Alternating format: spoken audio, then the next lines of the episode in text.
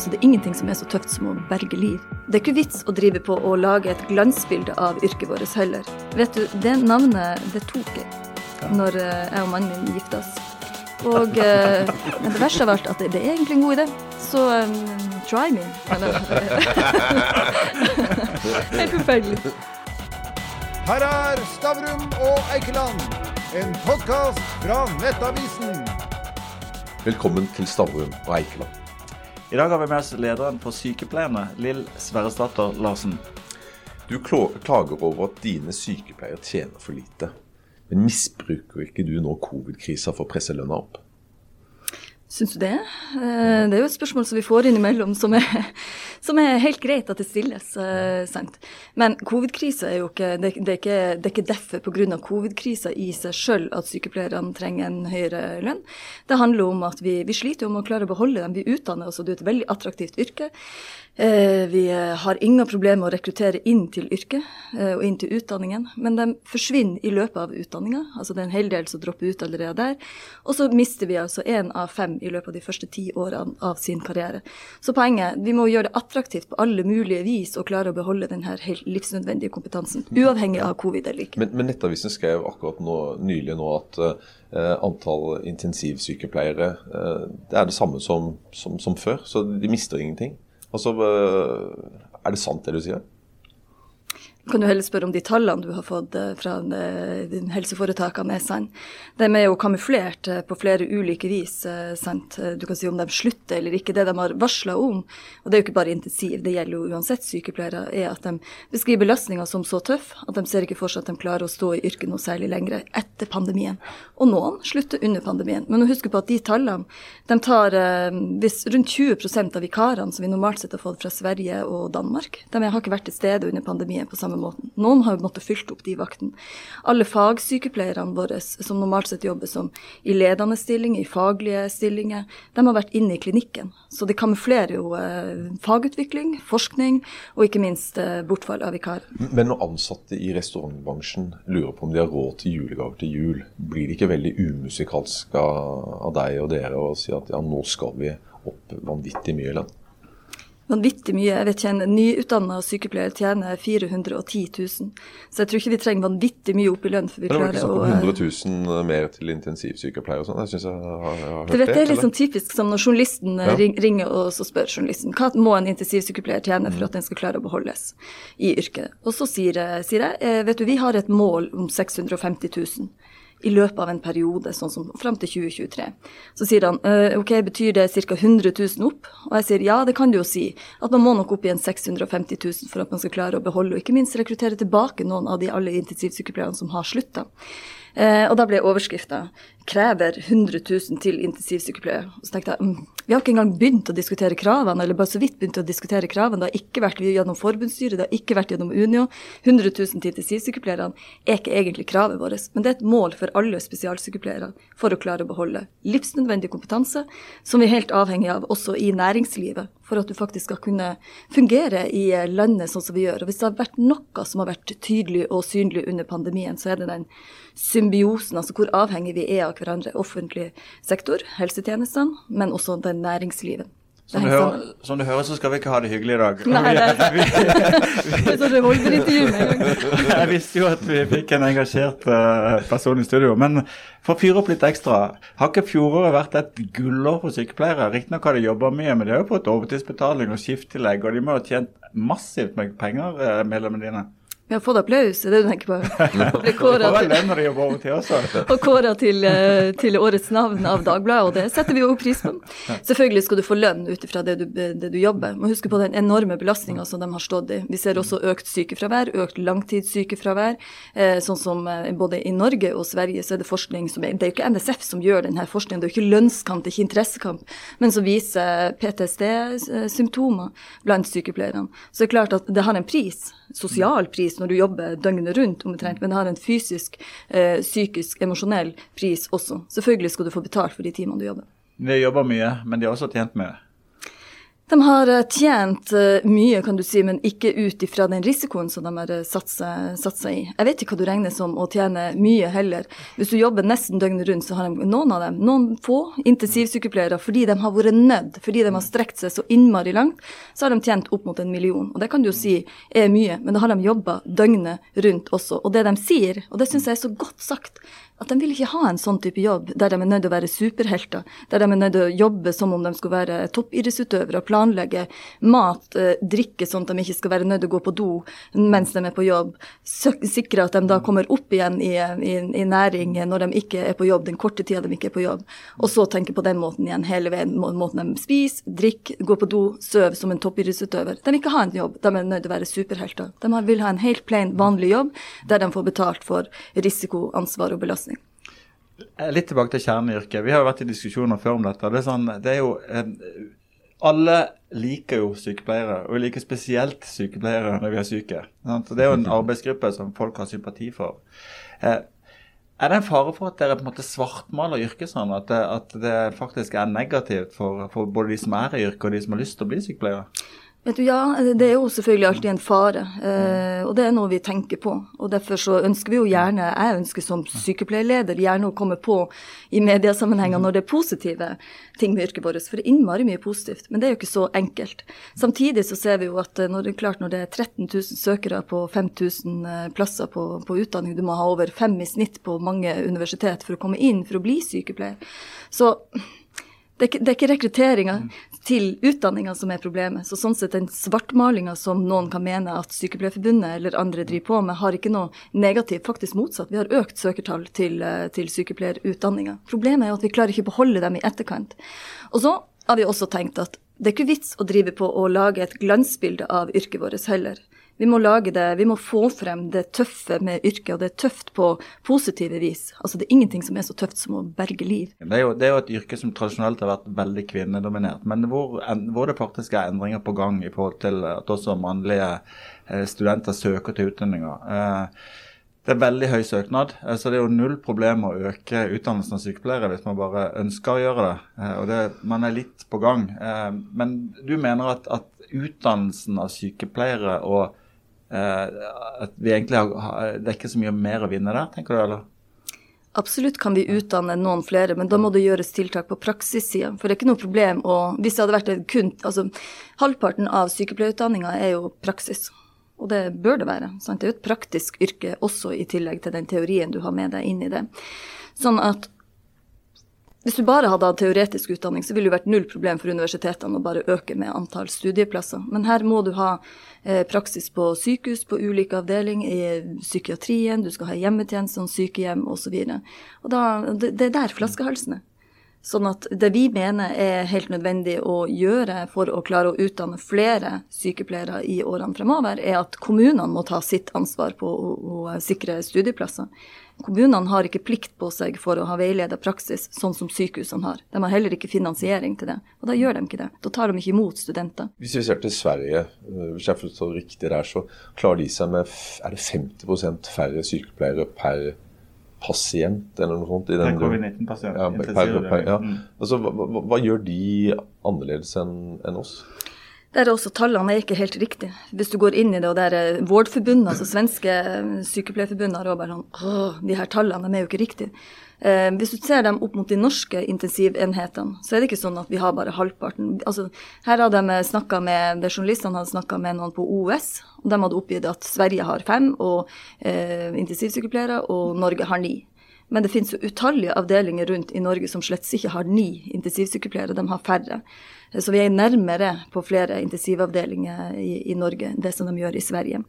Og så er det sånn at uh, de, um, de, har i tillegg en del støttepersonell, eller annen type personell, som er og bidrar inn, sånn at sykepleierne på intensiv ikke skal trenge å vaske senger, f.eks. Håndtere alt som er knytta til pårørende. Så du kan ha en sosionom, du kan ha en fysioterapeut, du kan ha en helsefagarbeider, du kan ha renhold. Uh, og det er positivt hvis du har en mulighet til å lage en tur turnus som også sikrer at du ikke må være intensivsykepleier som er på jobb absolutt alle helgen, for det går ikke an.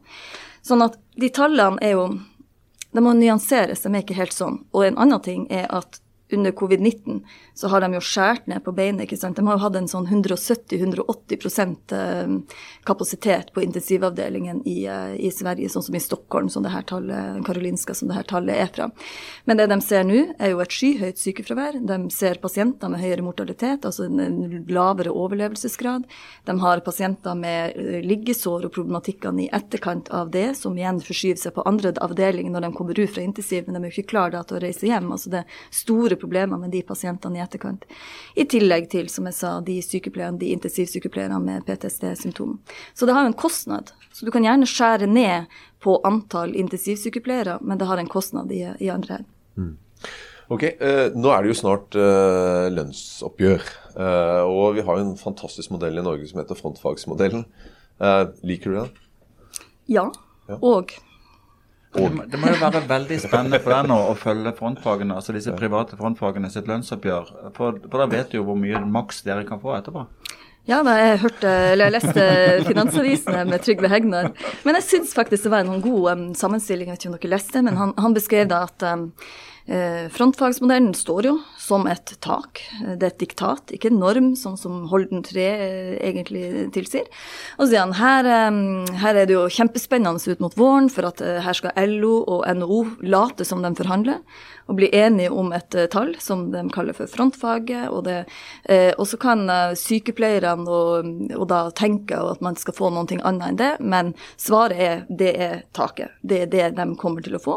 Og man, alle sammen kan ha sympati med sykepleiere, og man kan ha, se at det er fornuftige krav, at vi trenger å beholde flere, og at de trenger høyere lønn. Men som Hegnar sa, at her syns han egentlig synd på Sverresdatter Larsen, for at det blir det ikke. Så han har liksom avblåst det satt jeg og tenkte at Hva sier Sverre Statte Larsen til det? da tenkte Sverre Statte Larsen at det er jo ikke meg det er synd på. Det er faktisk egentlig ikke sykepleierne i seg sjøl det er synd på, for de er attraktiv arbeidskraft. De kan slutte, og noen av dem gjør det. Og noen av dem kommer til å gjøre det i etterkant av pandemien. Men det er jo oss som befolkning det er synd på. Det er vi som da vil stå der den dagen vi er pasient, eh, vi er pårørende og trenger den hjelpen fra kompetente folk med riktig kompetanse på plass, som ikke har den tilgjengelig. Og det ser vi. Jeg er fra nord. Vi ser det allerede i rurale strøk. Vi ser det i bykommunen Tromsø, som mangler 140 sykepleiere, bare dem. Sant? Det her sprer seg jo. Etter hvert så kommer det til å ramme også her i Oslo-området, der vi enda er mer attraktive som, uh, som, arbeidskraft. Men eh, vi må bore litt mer i dette, disse fag, eh, fagforeningspolitiske spørsmålene. Modellen i Norge har jo vært veldig forenklet. Vi har latt konkurranseutsatt industri forhandle først, sånn at ikke offentlig ansatte skal bli lønnsledende og, og gjøre norsk industri ikke konkurransedyktig. Eh, nå signaliserer vel eh, Unio i, i, staten at de vil bryte samarbeidet med YS og LO, eh, og kanskje gå litt for seg selv, sånn som akademikerne har gjort før. Det tegner til å bli et ganske tøft lønnsoppgjør i offentlig sektor. Hva tenker du rundt disse spørsmålene? Jeg tenker Det er iallfall helt nødvendig at arbeidsgiverne tar sitt ansvar eh, i ethvert lønnsoppgjør. Og det er klart at uh, for min del så er jeg jo forhandlingsleder i Spekter, det er sykehusene. Eh, sykehusene har gått med overskudd.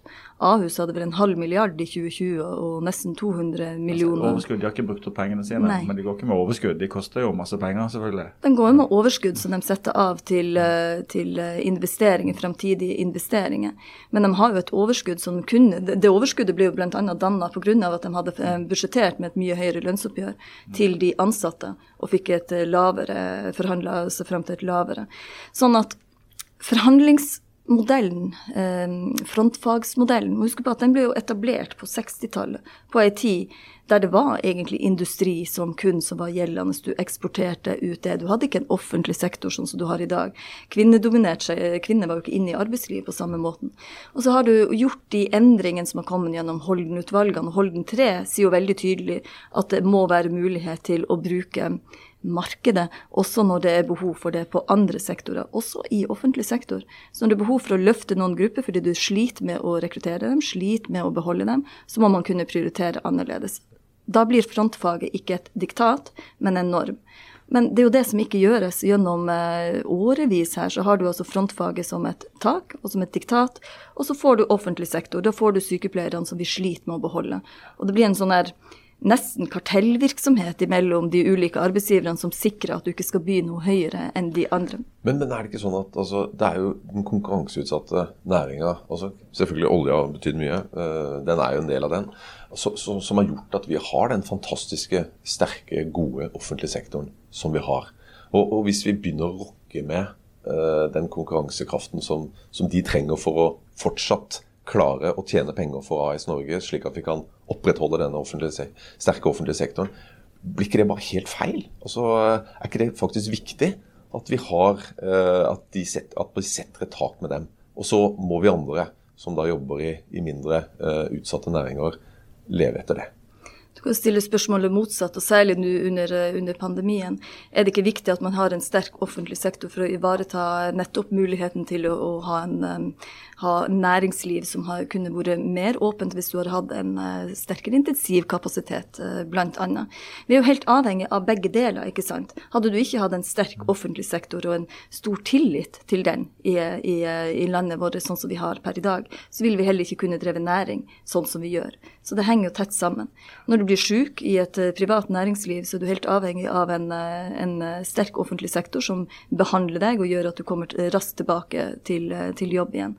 Sånn at, og det er klart at det er ikke bare olja som har skapt at vi er rike i Norge, det er også en likestilling som har gjort at kvinner har kommet inn i arbeidslivet. Så det du må ikke sette dem så opp mot hverandre. Jeg blir, det blir jeg sånn, egentlig sånn passe provosert hver gang jeg får høre en sånn her mm. verdiskapningsdebatt som at ja, men det er jo vi i privat næring som, driver, som skaper verdier, mens offentlig, offentlig uh, næring da er, er utgift. Det, det, er jo ikke sånn. Det er ikke sånn at uh, alt vi gjør er utgifter, det er jo definitivt verdiskaping. Sånn at det er mulig å drive næringsliv sånn som vi gjør i Norge. Ole, er jo kommer fra en sosialdemokratisk bakgrunn, så han har den påstillingen. Jeg, jeg, er uenig i den påstillingen. Jeg mener at jeg er enig med deg når det gjelder Det er jo egentlig likegyldig om uh, Egentlig er det likegyldig om sykehusene er private eller offentlige. Det er på en måte tjenester vi trenger, og så finansierer vi det det på spesielle måter. Men jeg, det jeg ikke skjønner, det er hvorfor sier du ikke rett ut at den frontfagsmodellen den er fra 60-tallet. Den kaster vi på båten, og så forhandler vi lønna til sykepleierne uten å se på hva de fikk i, i Hydro.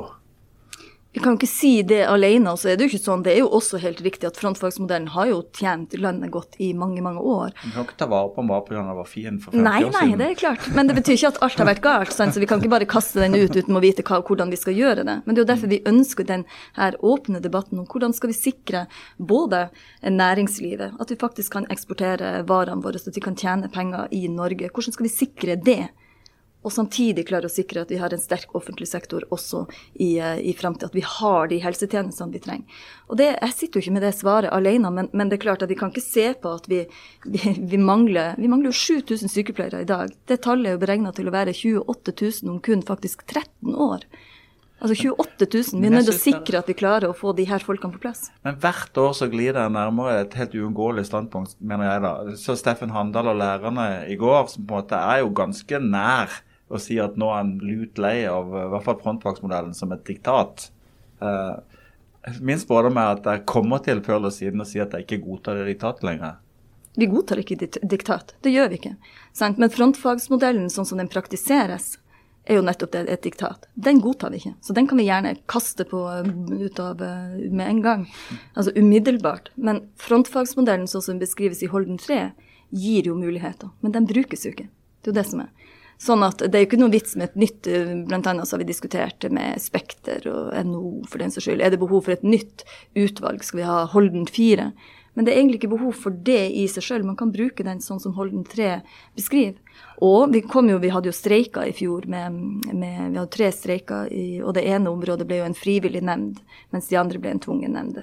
Eh, og i den frivillige nemnda så sier jo nettopp Odne Cappelen bl.a., som, eh, som satt i frivillig nemnd, de peker jo på her er det, det er ikke mulig å løse sånn som frontfagsmodellen praktiseres per i dag. Det må praktiseres ut ifra Holden 3, der ligger det muligheter. Og den peker også på regjering og storting. Så skal man klare å sikre at man rekrutterer, at man beholder, mobiliserer mangel arbeidskraft sånn som sykepleiere er, så må det komme noe utenfra i tillegg til tariffoppgjør. Ja, nå, nå, må de jo snart definere kravene i år. og det, Vi går jo mot uh, høy prisstigning. Eh, høye strømpriser på Katt. Eh, rentene skal opp. Eh, det er jo knapt en bolig å oppdrive for en singel sykepleier i Oslo. Eh, 2 eller noe sånt. ja, Det er heldigvis mindre enn 2% i enslige sykepleiere i befolkningen også, da. Men, men du, hva, hva skal dere ha i år? Kravene har vi jo ikke vedtatt eh, enda. Vi skal diskutere dem med forbundsstyret. Vi har med oss selvfølgelig krav fra tariffkonferansene. Det er jo sånn vi gjør det. Så medlemmene har jo sagt sin mening om hva de, hva de mener er nødvendig å prioritere. Og så skal vi diskutere det i forbundsstyret vårt eh, først. Og så tar vi med de kravene igjen i Unio, som er vår hovedsammenslutning, og forhandler der. Men eh, vil strømprisen spille inn? Jeg vet ikke om det har, det har jo noe med prisstigning eh, som sådan og de utgiftene man har. Eh, Vi er jo også opptatt av det etterslepet som har vært over en par år, der, der industrien har fått mer enn frontfaget, viser seg jo. Ikke sant? Det var en halv prosent i 2020, 2021 har vi ikke tallene på enda, men det ser ut som at det også der eh, industrien har gått høyere enn frontfaget, mens vi da har ligget på frontfaget eller lavere. Men det, Vi må over til den myke delen av intervjuet. Eh, Lill Sverresdatter Larsen, eh, har du en far som heter Sverre? Jeg har en far som heter Sverre. Er det et navn som du, eh, Hvordan fikk du navnet Sverresdatter? Vet du, det navnet, det tok jeg Ja. når eh, jeg og mannen min gifta oss. Og det var fordi at eh, jeg heter Johansen. Jeg heter Johansen Aas. Eh, ifra, ifra fødsel av. Og så um, heter mannen min Larsen, og så har han to barn fra før, og de heter Isaksson. Det ble jo helt umulig der. Så vi fant ut at vi måtte, jeg måtte i alle fall ta hans eh, navn, da, sånn at vi heter Larsen, den, den delen av eh, slekta, i alle fall. Men så har jeg og far min har drevet på med slektsforskning i alle år. Jeg var på en måte hans sekretær fra sånn 10-12-årsalderen på, på det. Og da brukte vi å tulle med at jeg skulle jo egentlig ha hett Sverresdatter. Det hadde vært fint, for det gjorde de jo før, for 100 og 150 år siden, så het den det. Så tenkte jeg at og enda var jeg nok litt usikker, selv om jeg sa ja til å gifte meg med mannen min, så var jeg sikkert litt usikker og tenkte at jeg kan ikke bytte navn fra Johansen Aas og til Larsen, og hvis det skjærer seg Det ble vanskelig. Så da tok jeg Sverresdatter. Jeg spurte far min om han syntes det var greit, og han eh, syntes det var fint. Så da tok jeg Sverresdatter som en litt sånn eh, til ære til min far. Jeg er veldig, veldig glad i min far jeg har lært veldig mye av han. Men også, det høres jo fælt ut, men litt sånn safety of reasons. I fall jeg var nødt til å bytte tilbake, så tenkte jeg at da kan jeg beholde bare Sverresdatter. Jeg jeg, jeg, tror jeg, jeg jeg kan takke deg på vegne av journalistene som du nå har påpekt ikke kan tall, for at ikke du heter Lill Sverresdatter Johansen Aas Larsen. Det hadde blitt heftig. Og vet du, jeg heter Lill Sissel i tillegg. Jeg bruker aldri Sissel, men det Helt forferdelig. Men du, du har jo ikke alltid vært så privat, men en gang så stilte du opp i et, et portrettintervju hvor du fortalte litt om bakgrunnen din. Du, du kommer fra en veldig konservativ, religiøs uh, oppvekst. Eh, har du beholdt den veldig konservative gudstroa? Spørs hva du legger i en eh, veldig konservativ, religiøs oppvekst. Jeg tror far min, Vi har prata litt om det etter noen av de intervjuene, og han føler seg litt sånn Han vet ikke helt om han kjenner seg helt igjen i det heller. Eh, Jeg kan min Fader vår, eh, og jeg kan eh, flere bønner hvis det er, og jeg er veldig glad i salmer. Og har noen sånne Jeg liker jo kirka, men jeg går jo i den en gang i året. Det er jula, stort sett. Jeg har nok ikke en veldig konservativ Altså, verken bakgrunn eller egentlig der jeg er per i, per i dag. Jeg tenker at kirka var med på å gi rom for mulige refleksjoner. Og der igjen, far min har vært utrolig flink med å skape de refleksjonene i etterkant og diskutere hva var det vi hørte her, hvordan kan det forstås? Og ikke som en sånn to strek under svaret, men med en mulighet til diskusjon. Og de som tror at du på en måte har tatt eh, steppet fra, fra aktiv og intensivt arbeid som sykepleier og rett inn i ledelsen, så har du doktorgraden i var det sykepleiervitenskap. Du kommer teoretisk inn i dette yrket. Jeg kommer teoretisk og praktisk inn okay. i det her. Jo, men det, Jeg har jo undervist eh, mye. Eh, jeg er glad i teoriene. Jeg tenker Teoriene må brukes til å forstå hvordan du skal gjøre praksis eh, bedre, hvordan du skal gjøre håndlaget bedre, hvordan du skal gjøre den omsorgen, det, det å skape den mestringa hos pasienter bedre. Det er det vi bruker teoriene våre til. Gjøre altså sykepleiens utvikling, rett og slett. Når jeg underviste, så var det veldig viktig for meg at jeg ikke bare underviste i vitenskapsteori, omsorgsfilosofi, metode, selv om jeg har en doktorgrad. Jeg ville inn og undervise i praksis. Sånn at jeg holdt mitt eget håndlag, eh, som det praktiske faget sykepleie er, også ved like. Men, eh, men også sånn at jeg var nær der studentene var i praksis, for å forstå hva er det som rører seg i praksis nå, som er vel verdt å forske videre på. Jeg mener at du skrev doktorgrad om noe som er relevant for eh, Ole her, er ikke det riktig? Demens. Eller samisk. Jeg er så glad i deg, Gunnar! Ja, ja hva sier vi da? Fortsett du nå! Jeg er dement. Men du er altså ukependler. Eh, Du er, jobber intensivt i Oslo, og så bor, du, bor familien i, i Tromsø? Jeg har mannen mann og mine to, eh, to yngste barn. da. De, de bor hjemme ennå, men de er jo 15 og, eh, og 20. Er du glad du ikke er eh, sykepleier eh, i det daglige? Vet du, Av og til så savner jeg det skikkelig. Vi, vi prata faktisk, jeg og Silje Nausvik, som er nestleder eh, her eh, før jula, når det var så behov for eh, sykepleiere, også nå inn mot jula. eh, vi måtte gjøre avtaler som eh, gjorde skapte altså, vondt i magen, rett og slett, for å gjøre de her avtalene med arbeidsgivere, sånn at de kunne bruke eh, arbeidskapasiteten som sykepleiere har mer fleksibelt. De måtte jobbe mer overtid for å klare å få dagene eh, i jula til å gå rundt. Og vi vet at de her sykepleierne trengte fri, de trenger å være hjemme med familien sin, også dem, også, og kanskje særlig i jula. Eh, og da prata vi om skulle vi kanskje gått inn og tatt noen vakter? Kanskje vi skulle gjort det? Kanskje vi skulle gjort sånne type arbeid òg? Og så blir det litt rart, for samtidig så var vi nødt til å håndtere alle de varslene som kom, på forsvarlighetsbrudd, på arbeidsmiljølovbrudd, alle de telefonene som jeg fikk også rundt eh, hele romjula fra fortvilte sykepleiere på hvordan de skal kunne håndtere situasjonen. Så av og til må vi jo ha et sånt litt sånn ovenfra-nivå, litt sånn oversikt sånn som jeg har nå, i den rollen jeg er nå. Men jeg savner det å jobbe praktisk med, med pasienter og med, med kollegaer. Jeg sier ikke at jeg aldri kommer til å gjøre det igjen, men det jeg ikke savner, det er den her eh, Den, den, den her belastninga som ligger knytta til, til Altså den arbeidsbelastninga som er i det. Eh, det er som du sier, jeg jobber intensivt. Jeg kan jobbe mange, mange timer. Jeg har aldri jobba så mye som jeg gjør nå. Men jeg er ikke i nærheten av å være så utkjørt som når jeg jobba som sykepleier med 35,5 timers arbeidsuke. Og det sier noen ting om Som sykepleier så har du har jo aldri pauser. Du springer liksom fra den ene pasienten til den andre. Du har ikke noe pause. Du har nesten ikke tid til å gå på do, nesten ikke tid til å spise.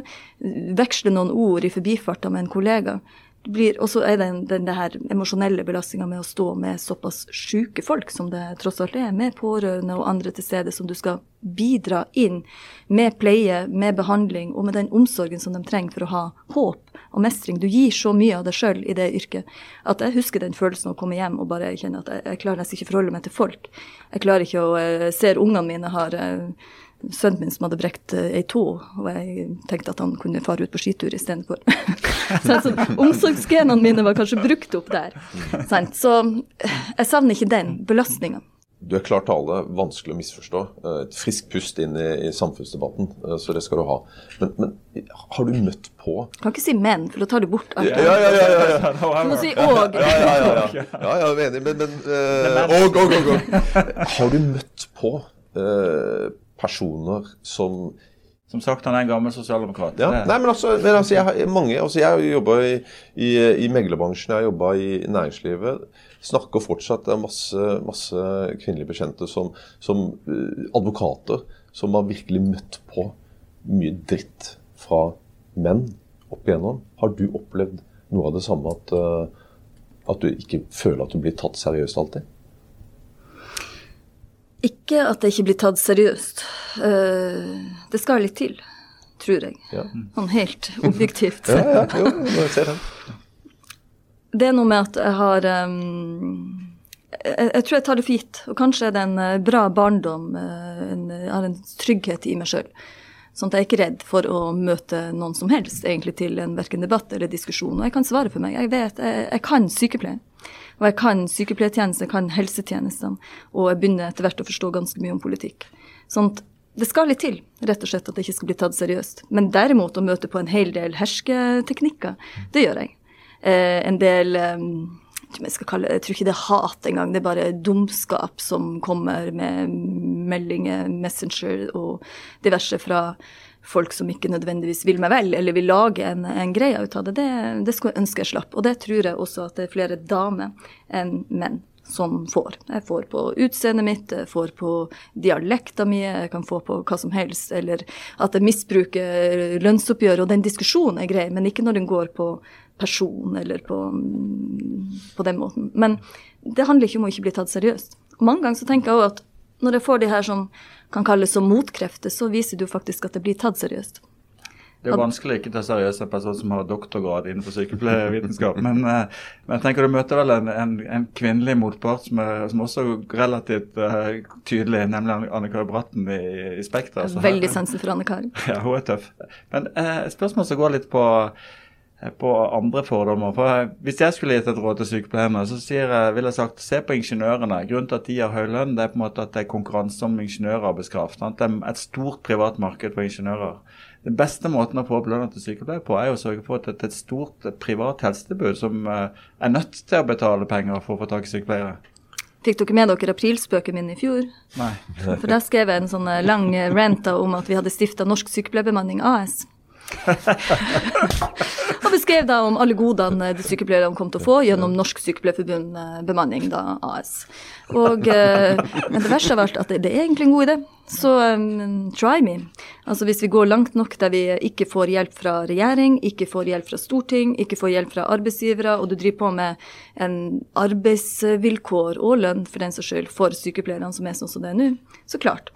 Og hvis vi i tillegg leker med denne verdiskapningsideen, så må det jo da være verdiskapning hvis vi gjør alle de her sykepleierne som i dag holder på å jobbe livet av seg i offentlig sektor. Gjør dem om til privat sektor, så er det jo verdiskaping. Det er bra for landet. Det må jo Høyre og alle bare heie på. Du fikk Stavrum og Eikeland, en podkast fra Nettavisen.